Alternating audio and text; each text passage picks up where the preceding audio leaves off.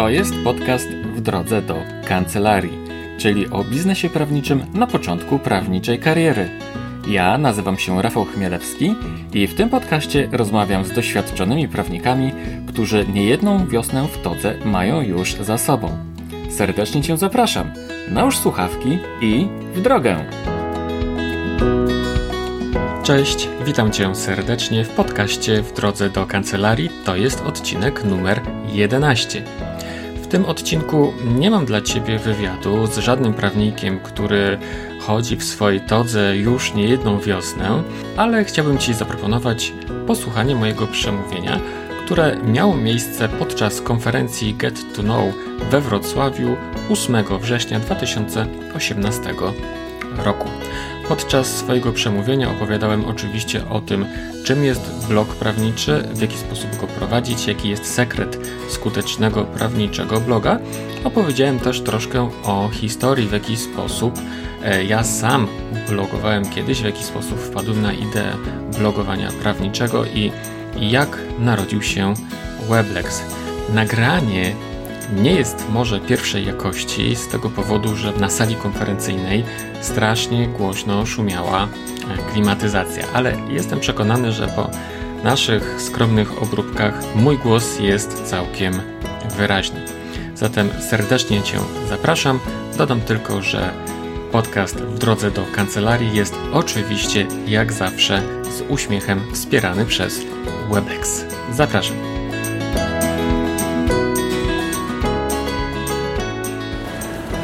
Państwa, nazywam się Rafał Chmielewski, jak już pewnie dobrze wiecie. Na co dzień prowadzę i kieruję firmę, firmą konsultingową Weblex. Weblex wspieramy kancelarii prawnej w rozwoju. Pomagamy tym kancelariom zdobywać piękny i wspaniały świat za pomocą prawniczych blogów. Wspieramy sto kilkanaście kancelarii prawnych w Polsce i trochę za granicą. E, również administrujemy ich ponad 160, 160 blogami prawniczymi. E, dwa lata temu napisałem poradnik, taki, w jaki sposób kancelaria prawna może za pomocą bloga prawniczego wspierać swój wizerunek budować swoją markę. Nie tylko kancelaria adwokacka, ale kancelaria radcy prawnego, kancelaria e, doradcy podatkowego, kancelaria rzecznikowska, kancelaria komornicza. Nie wiem dlaczego komornicy blogów nie prowadzą. Słuchajcie, blogi świetnie ocieplają wizerunek komornikom, komu jak komu, ale by się takie blogi super przydały. No i kancelaria notarialna. A to dlaczego notariusze blogów nie prowadzą, to chyba wszyscy dobrze wiedzą. W każdym razie to jest dla każdej kancelarii. E, oczywiście Prowadzę też kilka blogów, bo skoro uczę i pokazuję w jaki sposób prowadzić blogi, no to też sam prowadzę kilka. E, wśród których dwa są takie, które chciałbym Państwu szczególnie polecić. Pierwszy to jest taki ten tytuł Pamiętnik Adwokata, gdzie po prostu opisuje mniej więcej to samo, co jest w książce, ale mimo wszystko, mimo lektury książki, to też polecam bloga, bo tam jest dużo więcej rzeczy i są na bieżąco po prostu. No książka już ma dwa lata, nie? Także można powiedzieć, że już jest stara. Trzeba by ją zaktualizować. Ale drugi blog, drodzy Państwo, to jest w drodze do kancelarii. W drodze do kancelarii to jest tak naprawdę seria podcastów. A w tych podcastach są wywiady z doświadczonymi prawnikami, którzy nie jedną wiosnę w todze mają już za sobą. Także myślę, że warto posłuchać. Z zamierzenia jest to blog skierowany, czy seria podcastów skierowana do osób, e, które rozpoczynają karierę prawniczą, do młodych kancelarii, młodych prawników, ale w związku z tym, że tam są wywiady z doświadczonymi prawnikami, wydaje mi się, że każdy z nas mógłby znaleźć tam coś ciekawego.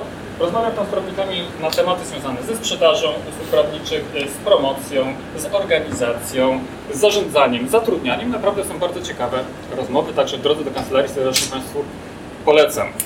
Weblex na dzień dzisiejszy to nie jest tylko sam Weblex, tam jest troszkę więcej projektów, ale to już nie będę opowiadał o tym, ponieważ nie przyszedłem opowiadać o Weblexie o sobie, tylko przyszedłem opowiadać o prawniczym blogu, drodzy Państwo, a zacznę od historii.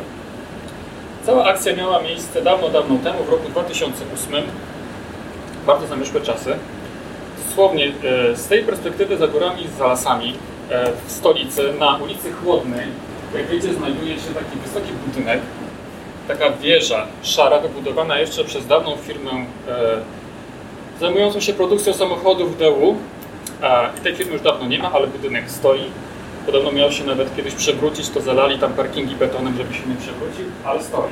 No i w 2008 roku siedziałem tam na 14 piętrze, pracując w korporacji w jednej z firm e, konsultingowych z, e, z, tego kręgu Wielkiej Czwórki, na pewno wiecie. I e, żeby nadać tła, praca w tej korporacji była moim marzeniem od samego początku studiów prawniczych na Uniwersytecie Warszawskim. Absolutnie zawsze tam chciałem pracować niestety marzenia mają tę wredną tendencję, że lubią się spełniać. I no to się wzięły i mi spełniły. Poszedłem tam do pracy i nagle się okazało, że to nie jest robota dla mnie, ale to zupełnie, tak? Ja po prostu nie byłem w stanie się zmieścić w tych korporacyjnych ramach. E, w związku z tym zacząłem się zastanawiać, co mam ze sobą zrobić. Miałem już wcześniej epizod prowadzenia firmy, zresztą dosyć e, taki, no powiedziałbym, udany. No to pomyślałem sobie, dobra, założę jaką firmę, jakąś firmę, tylko jaką. I pomyślałem sobie tak, no, znam się na opodatkowaniu dochodów zagranicznych, bo w takim dziale właśnie pracowałem tam w tej korporacji, więc to był rok 2008, drodzy Państwo. Cztery lata po wejściu do Unii Europejskiej 2 miliony osób, naszych rodaków, polskich rezydentów podatkowych pojechało za granicę, tam zarabiają kasę, powinni byli się z tych pieniędzy rozliczać tutaj, a tego nie robili, wszyscy mieli zaległość podatkową. I mało kto o tym mówił. I mało kto w ogóle o tym wiedział, a oni też w ogóle o tym nie wiedzieli, nie? Więc to była taka bomba zegarowa, która na pewno kiedyś wybuchnie, tak sobie pomyślałem. Więc myślę sobie tak, napiszę poradnik, w jaki sposób ci ludzie mogą się zwolnić z zaległości podatkowej. No i napisałem 160 stron takiego poradnika, wydałem go w towarzystwie dobry, w wydawnictwie dobry e-book, powiesiłem ofertę w sieci i zacząłem czekać, nie? I tak czekałem i czekałem i się nic nie działo, zero sprzedaży. Pomyślałem sobie, dobra, pójdę po rozum do głowy, zacznę to promować w jakiś sposób. No tego po prostu nikt nie chciał znaleźć. Znaczy, nikt, nikt tego nie znajdował, bo nikt nie wiedział, że w ogóle coś takiego funkcjonuje, że istnieje. Więc podpisałem umowę z firmą, która zajmuje się pozycjonowaniem. I oni zaczęli pozycjonować tę ofertę. No i ta oferta, ten mój poradnik, zaczął się w wynikach wyszukiwania piąć z tygodnia na tydzień, z miesiąca na miesiąc coraz wyżej, w końcu wskoczył na pierwszą stronę wyniku wyszukiwania i książka zaczęła się sprzedawać. Ale, drodzy Państwo, nic w życiu nie jest bardzo proste. Co się okazało? Że koszt poniesiony na pozycjonowanie zupełnie mi się nie zwraca. Tak, no byłem pod kreską. No, strata nie była wielka. No stać mi było na pokrycie takiej straty, tak? Ale nie chodziło mi o to, żeby tracić, tylko żeby zarabiać. Więc to było zupełnie bez sensu. Po jakimś czasie pomyślałem sobie, no dobra, Rafał, no to e, może byś się nauczył sprzedaży wiedzy w internecie.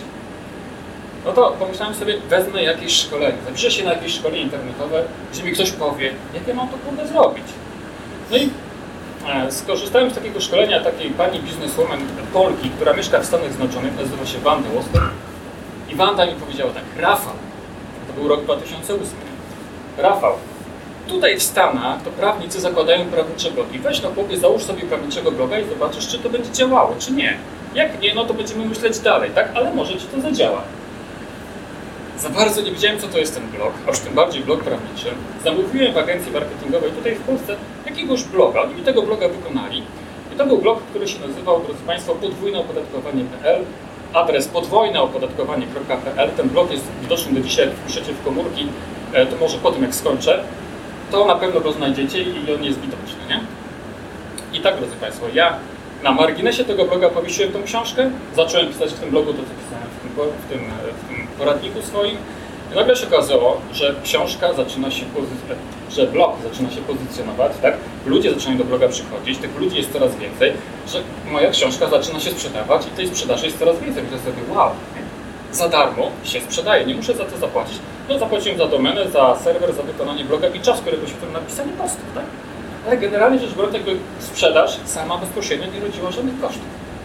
Pomyślałem sobie tak, super, nie? To ja teraz zrobię sobie więcej tych poradników, zrobię sobie jakiegoś rodzaju szkolenia, wielokrotnie y, ruch w tym blogu i będę na tym zarabiał dobrze, tak? I z korporacji prostym na Hawaje. A jeszcze jak te 2 miliony osób, które wyjechało, kupią ten mój poradnik, to już w ogóle będę emerytem do końca życia. Ale drodzy Państwo, życie nie jest takie proste. Niestety, premier Tusk, o polityce się nie mówi teraz, ale tylko wspomnę, bo to jest niezwykle istotne premier Tusk mi wtedy wbił nóż w plecy, drodzy Państwo, ponieważ on powiedział tak. Drodzy podatnicy, wy, którzy wyjechaliście tam za granicę, my wiemy mniej więcej, kto wyjechał. My wiemy mniej więcej, kto ile zarabia. My mniej więcej wiemy, kto jaką ma zaległość podatkową, ale wy się nie bójcie. My was z tej zaległości zwolnimy, nie? Więc bomba wybuchła, ale tak naprawdę wszystko się rozlało. Zero.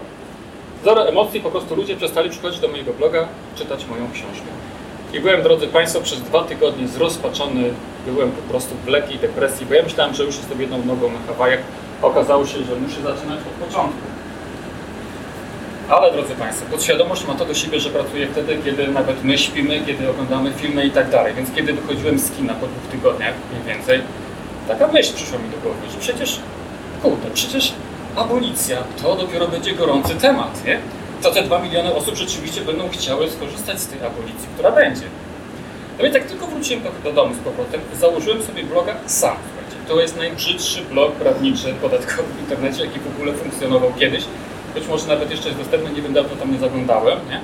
Ale nie chodziło mi o to, żeby czekać znowu, że jakaś agencja marketingowa mi wyprodukuje bloga w ciągu pięciu tygodni. Tak? Chciałem po prostu działać. Tak? Ja po prostu lubię działać. Ja nie lubię czekać, tylko po prostu jak już mam jakąś ideę, to po prostu wdrażam i jedziemy do przodu. Tak? Więc zacząłem pisać w tym blogu to, co wiedziałem na temat najpierw abolicji, tak? a potem jak się zaczęły pojawiać pierwsze projekty tej abolicji, a uwierzcie mi, że generalnie rzecz biorąc, opodatkowanie dochodów zagranicznych jest dosyć skomplikowane. Nie? To nie jest takie po prostu proste jak obliczanie sobie zwykłego dochodu. Natomiast e, to, co wymyślali ci posłowie w tych komisjach sejmowych, to, co wychodziło od Ministerstwa Finansów na samym początku, tak, to można było boki zerwać, bo ludzie w ogóle nie mieli, oni nie mieli żadnego pojęcia, jak to wygląda, takie rozliczenie dochodów zagranicznych. Nie? Ja to wszystko opisywałem, tak, w tym swoim strasznie burym, szarym blogu, ale to było interesujące. Ludzie zaczęli do tego bloga przychodzić, tych ludzi było coraz więcej. Zrobiłem jedną rzecz, czego nie zrobiłem wcześniej, drodzy Państwo. Założyłem listę mailingową. Rok 2008, wiecie, to nie było ochrony danych osobowych, nie było RODOK, JODO czy tam czegoś jeszcze. Kolekcjonowało się adresy e-mail w bardzo prosty sposób, tak? To było proste, łatwe i przyjemne, w związku z tym zacząłem to robić. Jak wiedziałem, jaka będzie abolicja podatkowa, znaczy jak już będzie wyglądała ta abolicja podatkowa, tak dokładnie, jaka będzie struktura, jaki będzie proces i tak dalej, zacząłem tworzyć drugi poradnik. I w momencie, drodzy Państwo, kiedy ustawa abolicyjna doszła w życie i kiedy ci ludzie, ci nasi mm, rodacy, którzy mieli tą zaległość podatkową, mogli skorzystać z tych zapisów i uwolnić się od tej zaległości, od tego zadłużenia, tak? Ja miałem na swojej liście 2, 2000 adresów, chciałem powiedzieć 2 miliony, nie, 2000 adresów. Miałem dwa poradniki. E, jeden, ten, który napisałem potem, był komplementarny z pierwszym, żeby skorzystać z zapisów tego drugiego, e, zrozumieć to, co jest napisane w drugim, trzeba było ten pierwszy kupić. Każdy z nich kosztował po 37 zł, połączyliśmy je w wydawnictwie w pakiet za 47. Ja miałem czystego zysku ze sprzedaży pakietu 30 zł, drodzy Państwo, przez pierwsze dwa tygodnie był normalnie szał. Ja wracałem do domu po robocie z korporacji, siadałem sobie przed komputerem i co minuta odświeżałem sobie poziom sprzedaży, ile to jestem bogatszy. Tak? Naprawdę całkiem sporo na tym zarobiłem, drodzy Państwo. Mało tego, większość z tych osób, większość z tych osób, które kupiła te książki, nie była sobie w stanie poradzić z tym rozliczeniem. To po prostu było bardzo skomplikowane, wcale się nie dziwię. I zaczęli mi wysyłać maile, czy ja bym mógł im pomóc w tym. W związku z tym myślę sobie tak, pracuję jeszcze w korporacji, to nie mogę. Dwa, nie mam tytułu zawodowego doradcy podatkowego, a zatem nie mogę świadczyć usług doradcy podatkowego. Trzy, słuchajcie, no tego po prostu było od pióru na dużo, tak? Nie miałbym szans, żeby, się, żeby to ogarnąć. I czwarte, słuchajcie, na zwyczajnie świecie mi chciało tego robić. Podpisałem umowę z kilkoma doradcami podatkowymi, którzy gdzieś tam w małych miasteczkach sobie siedzą. Wypchnąłem całą tą robotę w zamian za 20% honorarium. I, drodzy Państwo, podjąłem decyzję o tym, że odchodzę z KPMG. Tej nazwy nie było, z korporacji odchodzę, tak? Odszedłem, drodzy Państwo, 31 grudnia 2008 roku i wróciłem z powrotem do swojego bloga podwójneopodatkowanie.pl, tylko że dodałem listę mailingową. Zacząłem tworzyć kolejne produkty, czyli takie poradniki. Czasem to były takie prościutkie PDF-y, 5 stron, czasami 10 stron, coś takiego zupełnie prostego. Tak? Zacząłem nagrywać szkolenia, które również były bardzo proste, bo czasami to był po prostu slajd, gdzie ja przez 15 minut o czymś tam opowiadałem. E, zakupiłem sobie system do tworzenia łańcuchów sprzedażowych, drodzy Państwo. To było dopiero to, e, to był dopiero wynalazek, ponieważ on mi umożliwiał to, że jak ludzie chcieli kupić jeden produkt, jak klikali kup teraz, to nie przenosiło ich to do sklepu, tak? tylko, znaczy do, do możliwości zapłacenia, tylko przenosiło ich to do produktu komplementarnego, który akurat był, w związku z tym, że wybrali ten pierwszy, no to ten drugi był już ze zniżką, tak? I powiem Wam szczerze, na palcach jednej ręki mogę policzyć, że e, osób, które kupiły tylko ten pierwszy produkt, tak? No, znaczy, że tych osób było tak mało po prostu. Zdecydowana większość dokupywała kolejne produkty, a 50%, mniej więcej 50% osób kupowało wszystko, co było w tym łańcuchu sprzedażowym, czyli wychodziło z kwotą, jak wiem, jakieś 70-80 zł, w zależności od tego, ile tam było tych produktów. Nie? Także moja praca wtedy polegała na tym, drodzy Państwo, że po prostu chodziłem sobie do samego rana. Mówiłem swojej żonie do widzenia, idę do biblioteki. Siadałem w bibliotece na 3 godziny, pisałem konkretny post w swoim blogu. Przez następne 3 godziny udzielałem na forach i grupach dyskusyjnych ludziom, pomocy, rozwiewałem ich wątpliwości, jednocześnie promując swojego bloga linkami do tego bloga. W związku z tym napędzałem dodatkowo ruch w swoim blogu. Mało tego, Skontaktowała się ze mną pani redaktor Ewa Matuszewska z Gazety Prawnej, teraz Dziennik Gazeta Prawna, wtedy to jeszcze Gazeta Prawna. Poprosi, znalazła mojego bloga, poprosiła o jakąś tam opinię, więc jej od razu odesłałem tam w ciągu 10 czy 15 minut.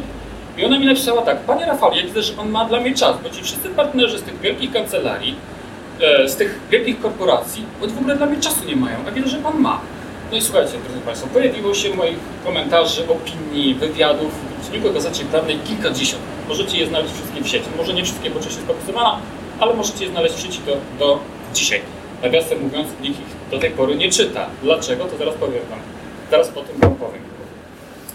Kontaktował się ze mną Rzecznik Praw Obywatelskich, ponieważ okazało się, że podatnicy, którzy pracują na przykład w Holandii, a ci, którzy pracują w Anglii, rozliczają się według różnych metod e, związanych z e, różnych metod dotyczących podwójnego opodatkowania.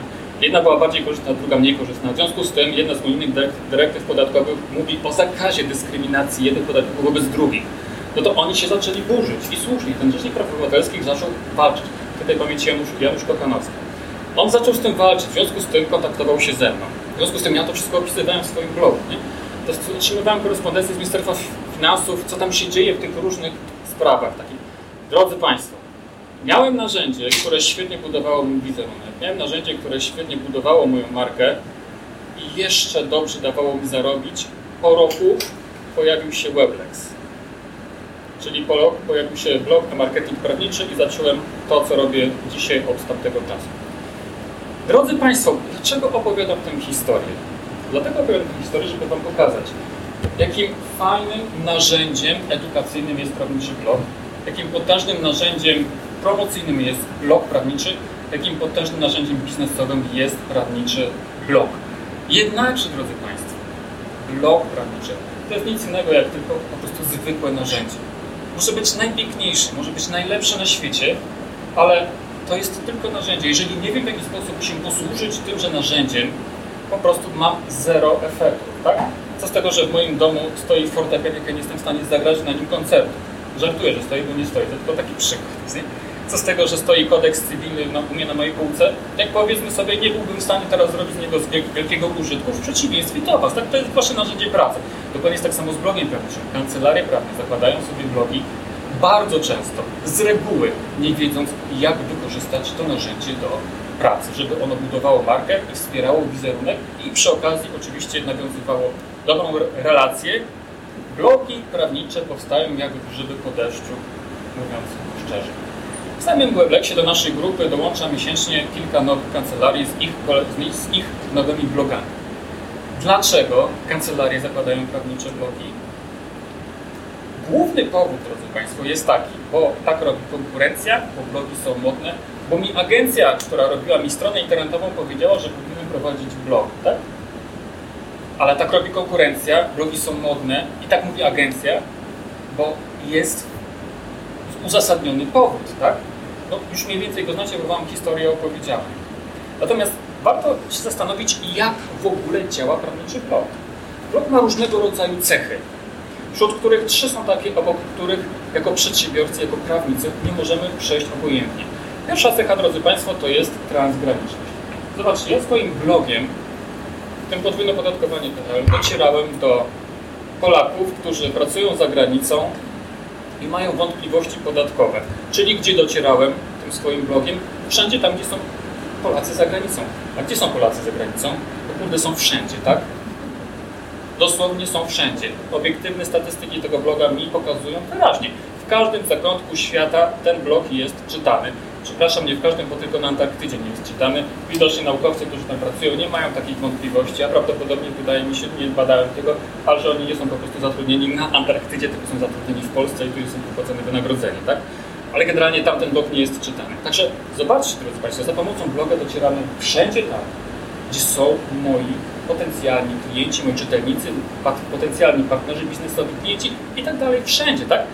Zauważcie, jaka to jest pomoc dla małej kancelarii, która jest zlokalizowana w małym mieście, gdzie raczej klienci nie stoją w kolejce po usługi prawnicze, gdzie sama konkurencja ma bardzo specyficzny klimat. Tak? Taka mała kancelaria w małym mieście może w ogóle zapomnieć o tym, żeby obsługiwać lokalny rynek, a za pomocą bloga obsługiwać klientów takich, których chce, wszędzie tam, gdzie oni są. Transgraniczność, drodzy Państwo. Druga cecha to jest masowość. Za pomocą bloga nie docieramy do tysiąca czytelników, do tysiąca klientów, potencjalnych klientów i tak dalej. Nie do 10 tysięcy, ale do setek tysięcy, a nawet do milionów. Drodzy Państwo, w naszej grupie weblexowej są blogi, które już dawno minęły milion, zbliżają się powoli do 2 milionów czytelników. Tak? Jaką szansę mamy dotrzeć do osób zainteresowanych tym, co ja mam do przekazania, tym, co ja wiem, za pomocą innych narzędzi promocji e, niż prawniczy blog? Nie mam żadnych szans.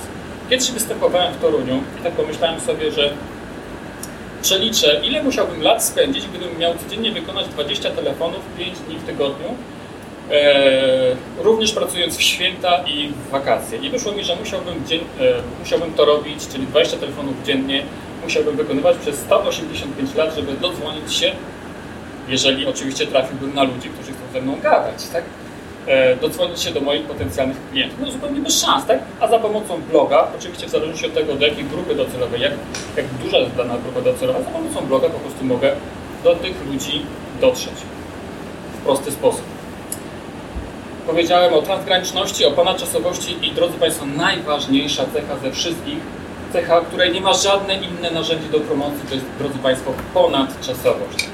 Zobaczcie, ja tego bloga podwójne opodatkowanie.pl zacząłem w 2007 roku, prowadziłem przez rok 2008 i trochę przez 2009, a ten blog, drodzy Państwo, do dzisiaj jest czytany. Tutaj dzisiaj stoję, rozmawiam z Wami, a tam są, a tam są ludzie w tym blogu, tak? E, I kiedy chcą, to kupują coś, co tam jest nadal, nadal do kupienia. Niestety musiałem część tych wszystkich szkoleń, znaczy większość ze szkolnych poradników wycofać, bo wiecie, jak jest to z prawem podatkowym, nie? Nie wiem, jak jest teraz, ale jak ja to zajmowałem się podatkami, to w ciągu roku było ponad 100 zmian w samej ustawie VAT-owskiej, tak? W związku z tym po prostu to, to, to jest jakiś czarny koszmar. Więc e, w związku z tym, że zmiany, zmiany są dosyć częste, musiałem część tych poradników polikwidować. Ale tak działa ponadczasowość bloga, drodzy Państwo. U nas prawnicy, e, których wspieramy w ramach e, Weblexa, jak już się rozwinie pierwszy blog, to oni już wiedzą o tym, że czy piszą, czy nie piszą to to i tak będzie się dalej rozwijało przez następne parę lat. Tak? W związku z tym jest okazja do tego, żeby zbudować nowy blok i zrobić dokładnie to samo, co zrobiło się z pierwszym. Drodzy Państwo, transgraniczność, masowość i ponadczasowość to są trzy takie cechy, które decydują o tym, drodzy Państwo, że nie było jeszcze i nie ma na dzień dzisiejszy bardziej efektywnego narzędzia do promocji kancelarii prawnej. Nie ma bardziej efektywnego narzędzia do promocji kancelarii prawnej, efektywnego, czyli taniego, bo gdybyśmy ten sam efekt chcieli osiągnąć za pomocą tradycyjnych mediów, tradycyjnych metod promocji, jak nie wiem, pozycjonowanie AdWords, media społecznościowe, Facebooki, e, spotkania networkingowe, billboardy, artykuły prasowe i tak dalej, to nie ma szans, żeby osiągnąć w ogóle taki efekt, bez względu na to nawet ile byśmy mieli pieniędzy, więc blog jest bardzo tanim narzędziem do promocji. Dwa, jest niezwykle skuteczny, bo on dociera bezpośrednio do ludzi, którzy są zainteresowani tym, co my mamy do powiedzenia i do przekazania. Zauważcie, że kiedy oglądamy film i mamy blok reklamowy w środku, tak, to ile z tych reklam tak naprawdę dociera, czy ile z tych reklam, 20 czy 30, które lecą, który, którymi z nich jestem zainteresowany? Żadną reklamą, tak? No przecież to jest po prostu strata pieniędzy, tak, tak naprawdę. Natomiast jeżeli już prowadzę bloga, to ten blog jest czytany przez osobę, która jest zainteresowana tematyką. Niekoniecznie to musi być mój potencjalny klient. To czasami może być po prostu czytelnik, który poleci mojego bloga, bo może w jego rodzinie jest ktoś, kto potrzebuje takiej wiedzy, tak? Albo może to jest na przykład główna księgowa w firmie, która ma jakiś problem, a potem podrzuci mnie jako fachowca, prawnika e, prezesowi firmy. Bardzo różne są ścieżki, tak? Ale na pewno jest tak, że bloga czytają osoby, które są po prostu zainteresowane tematyką, więc ruch jest tutaj bardzo wartościowy. Drodzy Państwo, no i wspomniałem o tym, że namawiają nas na prowadzenie blogów agencje marketingowe i PR-owe. I te agencje mówią tak, twórzcie dobre treści. Twórzcie dobre treści. Wiecie co? Powiem szczerze, że oni mają absolutną rację. Bo za pomocą treści kancelaria prawna może najlepiej pokazać swój wizerunek, e, pokazać swoje doświadczenie, swoją wiedzę, pokazać swoje sukcesy, swoją historię i tak dalej. Za pomocą treści. Nie tylko tej takiej pisanej, ale filmu, mm, no, audio, tak, za pomocą grafik i tak dalej. Jednakże, drodzy Państwo, jest tutaj mm, pewna łyżka dziegciu. E, ona, polega, ona polega na tym, że w związku z tym, że ten content marketing tak, jest tak modny i jest tak tani dzisiaj, to po prostu wszyscy tą treść produkują. Wiecie, ile jest artykułów e, o rozwodzie w sieci? są setki tysięcy artykułów na temat rozwodu, tak? W związku z tym może pojawiać się zasadnicze pytanie. To jeśli już jest tyle o tym rozwodzie napisane, to po co ja mam tworzyć kolejny blok rozwodowy? Jak ja dam się, jak, jak, jak ja się wyróżnię wśród tej treści? Jak dam się zauważyć? Jak zwrócę na siebie uwagę, skoro jest kilkaset tysięcy artykułów dotyczących, e, dotyczących rozwodu? Drodzy Państwo, powiem Wam szczerze, że dzisiaj wyzwaniem marketingu prawniczego nie jest to, jak dać się zauważyć. Jak dać się zauważyć, to jest, to jest banalne, to jest proste, tak? Jak? Wystarczy zapłacić za AdWords odpowiednio dużo, żeby być na szczycie wyników wyszukiwania i już. W tłumie wystarczy krzyknąć, żeby wszyscy na mnie zwrócili uwagę. Jak wszyscy krzyczą, to wystarczy krzyknąć głośniej, żeby wszyscy się pozamykali, tak? Tak samo dokładnie jest z marketingiem. I w marketingu prawniczym dokładnie tak to wygląda. Wystarczy po prostu solidnie krzyknąć i zwrócić na siebie uwagę. To nie jest skomplikowane, to nie jest trudne, wymaga tylko po prostu pieniędzy. Ale gdzie leży wyzwanie w dzisiejszym marketingu, drodzy Państwo? W dzisiejszym marketingu prawniczym wyzwanie leży w tym, żeby umieć utrzymać tą uwagę, na którą się, którą się zwróciło. Bo wszyscy wiemy, jak jest, tak? Szukamy czegoś w świecie, zaglądamy na jedną stronę, nie podoba nam się, idziemy na drugą, tak? Ale sztuką jest to, żeby tę uwagę utrzymać, bo jeżeli jesteśmy w stanie utrzymać uwagę, to jesteśmy w stanie nawiązać relacje, przełamać ten opór związany z efektem pierwszego wrażenia. Nie? Jesteśmy w stanie pokazać swoją wiedzę, doświadczenie i przekonać, zmotywować czytelnika do tego, żeby zwrócił się do mnie o pytanie, tak? Ale pod warunkiem, że jestem w stanie tę uwagę utrzymać. Jak, drodzy Państwo, utrzymać uwagę? Oto jak. Wiecie, jak się łowi ryby na pewno. Robak, haczyk, nie będę Was męczył z tym, z tą opowieścią, bo czas nie będzie. Drodzy Państwo, w tym procesie połowu ryb, wędkowania, robak ma jedno jedyne zadanie, zwrócić na siebie uwagę. Ale jeżeli wrócę milion tych robaków do tej wody, ja po prostu nie wyciągnę żadnej ryby, ja potrzebuję wędki. No nie? W blogu prawniczym robakiem to jest właśnie taka zwykła merytoryczna treść, czyli to jest to, co prawnicy często nie wiedząc, jak prowadzić blogi prawnicze, robią z blogiem prawniczym, czyli wkładają tylko tam i wyłącznie merytoryczną treść, myśląc, poniekąd słusznie, ale nie do końca, że to jest to, co w blogu prawniczym jest potrzebne. Owszem, to jest potrzebne po to, żeby zwrócić na siebie uwagę, ale po nic więcej, tak? Żeby tę uwagę utrzymać, ja potrzebuję czegoś jeszcze. Potrzebuję czegoś jeszcze. A czego? Był rok 2002 tymże roku pan profesor Michael Morris z Uniwersytetu Stanforda przeprowadził pewne badania marketingowe, które miało na celu ustalić, w jaki sposób kancelaria prawna może za pomocą poczty elektronicznej budować relacje i komunikować się ze swoimi klientami. Do badania wzięto grupę studentów, oni się nie, nie znali, nie widzieli podczas badania, oni mieli w parach wynegocjować kontrakt leasingu auta. Podzielono ich na dwie grupy, w tej grupie przystąpili od razu do negocjacji, ale w tej grupie, zanim przystąpili do negocjacji, zobaczyli zdjęcie kontrahenta, poznali pięć faktów jego życia, Przeprowadzili krótką, pięciominutową rozmowę telefoniczną i przystępowali do negocjacji. Jaki był efekt? Na pewno się domyślacie. Po prostu ci studenci, którzy się poznali, oni po prostu e, przed fazą negocjacji, przed fazą negocjacji zaczęli się uważać za bardziej, zaczęli się czuć bardziej otwarci, bardziej nastawieni pozytywnie do, do kontrahenta, w większym stopniu skorzystać współpracy, a po fazie negocjacji uważali kontrahenta za bardziej miłego niż z tej grupy, za bardziej ciepłego, pozytywnego, bardziej godnego zaufania niż studenci z tej grupy. A zatem fakt poznania się spowodował to, że nawiązała się między nimi jakaś nić relacji. Co spowodowało to, że oni też chętniej przystąpili do negocjacji ponownie, gdyby zaszła taka potrzeba. Efekt ekonomiczny kontraktów tutaj był 18% wyższy. Drodzy Państwo, to jest odpowiedź na to, w jaki sposób utrzymać uwagę, e, którą zwróciliśmy za pomocą treści merytorycznej w blogu. Po prostu trzeba umieć budować relacje za pomocą bloga. W jaki sposób budować taką relację? Jest proste, po prostu trzeba dać się poznać. To jest aż tak proste tak tak? Tylko jak dać się poznać? Nie chodzi o to, żeby opisywać swoje prywatne życie. To absolutnie jest zakaz, tak? To odradzam, tak? Odradzam pokazywanie dzieci i tak dalej. Tego absolutnie nie robimy. Ale tak, swoje własne zdjęcie jak najbardziej naturalne. Dwa, styl treści taki, który przynależy mi osobiście. Tak jak popatrzycie sobie, poczytacie sobie moje blogi, e, jak pani czytała Pamiętnik Adwokata, to tak, właśnie używam tam takiego języka jak w blogu, takiego języka jak na co dzień mówię, tak? A więc komunikacja, taki styl komunikatywny. Dwa, piszę artykuły tak długie i wtedy nie, e, żeby się podobały czytelnikom, nie żeby się podobały poszukiwarkom, tylko takie po prostu, które będą odzwierciedlały moją własną osobowość. Co dalej? Czy pobrała Pani sobie rozdział o storytellingu? Polecam. E, w książce jest o storytellingu, rozdział do, do, do pobrania, używamy również koncepcji storytellingowej. To jest niezwykle ważna rzecz. Dlatego trzeba ją sobie pobrać, dlatego jej nie ma za darmo w książce, bo po prostu to jest najważniejsza rzecz, która dotyczy prawniczego bloga i w ogóle marketingu prawniczego za, za, pomocą, za pomocą bloga. W związku z tym, drodzy Państwo, po prostu dajemy się poznać. Oprócz treści merytorycznej również dajemy się poznać i w ten sposób nawiązujemy relacje i w ten sposób osiągamy jeszcze taki efekt, drodzy Państwo, że ludzie po prostu dłużej siedzą w naszych blogach.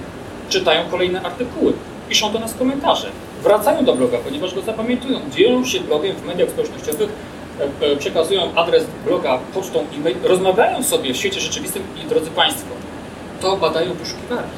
Dla, wyszuki, dla wyszukiwarek wówczas jest to sygnał, że strona jest popularna. W związku z tym pokazują tego bloga jeszcze wyżej. W związku z tym efekt się zwielokrotnia.